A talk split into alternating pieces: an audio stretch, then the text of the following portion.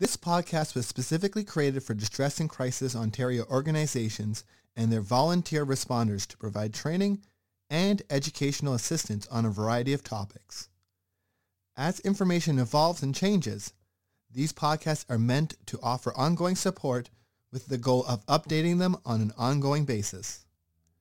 We thank the volunteer responders and the contributors to this podcast.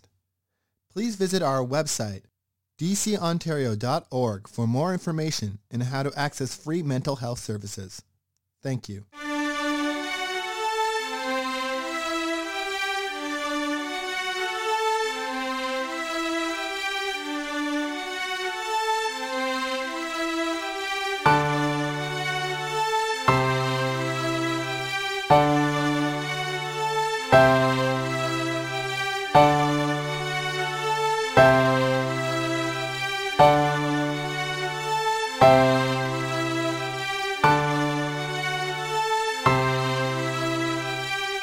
And thank you for choosing to listen to our podcast. We hope it offers you useful information and resources. My name is Harissa Silvanayagam, and I work as a health promotion intern with Distress and Crisis Ontario, or DCO. Today's theme will be about Black History and Black History Month, which I will refer to as BHM throughout this recording, which was observed in February. The information shared in today's podcast comes from the Association for the Study of African American Life and History, also known as ASALH, Columbia Law School, and the Government of Canada. The content is based on a reflection piece that I wrote for the DCO newsletter and includes my own opinions and reflections around BHM. As always, our member centers and the ONTX program are available to provide support if you need someone to speak to. You can find your nearest center or access ONTX by visiting our website at www.dcontario.org. Just a reminder, many of our member distress lines operate 24 hours a day, 7 days a week, while ONTX runs from 2 p.m. to 2 a.m. daily. To begin, according to the ASALH, BHM is an annual celebration of achievements made by Black people and is a time to recognize their center role in historical events, present-day achievements, and future endeavors. This annual observance has its roots in Negro History Week, the brainchild of noted historian Carter G. Woodson and other prominent African Americans. Since 1976, every U.S. president has officially designated the month of February as BHM and other countries around the world including Canada and the United Kingdom, also devote a month to celebrating Black history. Also, according to the ASALH, the 2022 American theme for BHM is Black Health and Wellness, focusing on systemic racism and economic disparities prevalent within the healthcare system. The Government of Canada announced that this year's Canadian theme is focused on February and forever, meaning that we should celebrate Black history and people every day and not just for the month only. It is critical to remember those who fought for the freedom of Black folk and acknowledge those who continue to fight for it. In my opinion, the importance of BHM is that it allows for uncomfortable discussions about racism, which is why it should be important to people of all races, not just Black people. BHM was established to highlight the contributions of African American to the United States. It honors all Black people throughout U.S. history from the first enslaved people brought over from Africa in the early 17th century to African American living in the United States today. Dr. Martin Luther King Jr., who fought for equal rights for Black people in the 1950s and 1960s, is one of the notable figures frequently highlighted during BHM. Another example who is possibly less known is Kimberlé W. Crenshaw, who is a groundbreaking civil rights scholar and writer who specialized in critical race theory, black feminist legal theory, and race, racism, and the law. She is also a distinguished professor of law at the University of California, Los Angeles, in addition to her appointment at Columbia Law School. As shared on the Columbia Law School website, Crenshaw's work has laid the groundwork for critical race theory and intersectionality, a term she invented to describe the twofold bind of conquering racial and gender bias. Her research, writing, and activism have uncovered significant concerns in the persistence of injustice, such as the school-to-prison pipeline for African American children and the criminalization of behavior among Black pipeline among the Black adolescent girls. Crenshaw co-founded the Columbia Law School African American Policy Forum, otherwise known as the AAPF, and she co-authored with Andrea Ritchie a novel titled Say Her Name, Resisting Police Brutality Against Black Women, which chronicled and drew attention to police killings of black women and girls. Crenshaw and the AAPF then started to Say Her Name campaign to raise awareness about police violence against black women and girls.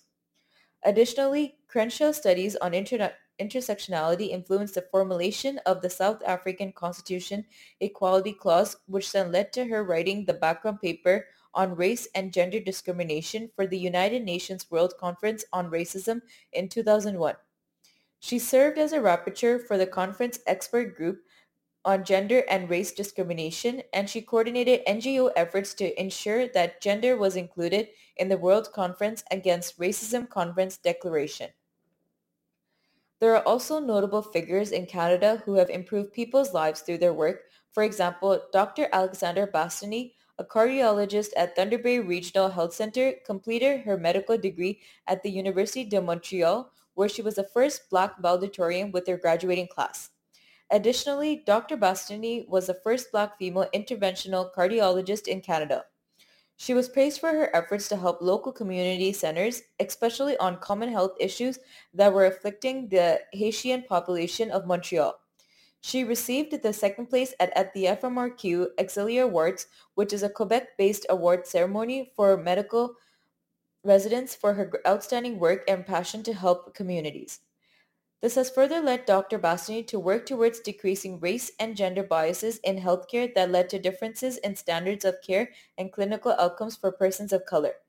Another notable Black Canadian is Eleanor Collins, who is known as Vancouver's First Lady of Jazz.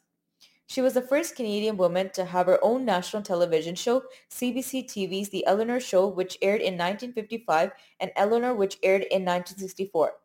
Eleanor was the first Canadian music artist to have a show named after her and the first black music artist to host a national television series in North America. I believe it is important that we know about these Canadians and celebrate BHM so that we can move towards reconciling black communities with non-black communities. We can do this by acknowledging that anti-black racism exists, by understanding how it impacts black people's well-being and development, and by dismantling systematic anti-black discrimination. In my personal life, the importance of Black history has been explored in my coursework and several of my courses have deepened my awareness of issues around anti-Black racism as well as BHM. I have taken a course at Renison University College called SDS 441R, Pop Culture and Social Change in the Radical Imagination. This course has taught me about the interaction between the radical imagination of social justice movements and the realm of popular culture. Throughout the course, I investigated these interactions to comprehend how radical movements enter or find themselves in the popular imagination, as well as how popular culture influences the radical imagination. I investigated how radical subcultures enter the mainstream, how social movements resist and push back against culture appropriation, corporatization, erasure, and sanitization of their material, social, and culture production, and how individuals involved in mainstream popular culture interact with grassroots political movements by studying popular culture in the radical imagination. Throughout this course, I was able to express my creativity through essays, art projects, and graphic art created in response to the interaction of radical grassroots social movements.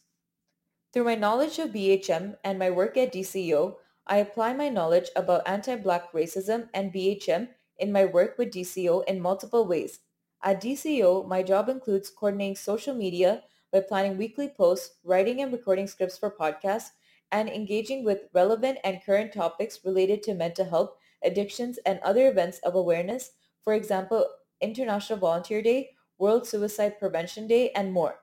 Through social media posts, podcasts, and newsletters, I can bring awareness to Black history beyond BHM and connect issues in the past to current issues to make history relevant to the audience. At DCO, we aim to be supportive of individuals from every background and our member centers support all individuals utilizing an appropriate cultural lens and through a variety of services that address the needs of the community. During February, I spent time researching Black history for a newsletter article and this podcast. I believe that it is important to celebrate the achievements of Black people and promote moving towards social justice and change. If you're wondering how yourself can continue to bring the ideas of February and Forever forward into your daily life, you can spend some time looking into local community projects to join, exploring resources like our Black History Month resources that we have shared on our website, or by finding causes to support that are important to you. Any action that helps promote change in yourself or others is worth exploring. Please remember that if anything shared in today's episode has you feeling a need for support, our member centers and the ONTX program are always there to support you out. Again, you can find your nearest center or, or access ONTX by visiting our website at www.dcontario.org. Thank you for listening for to this week's podcast. We wish you all the best and hope you'll join us again next week.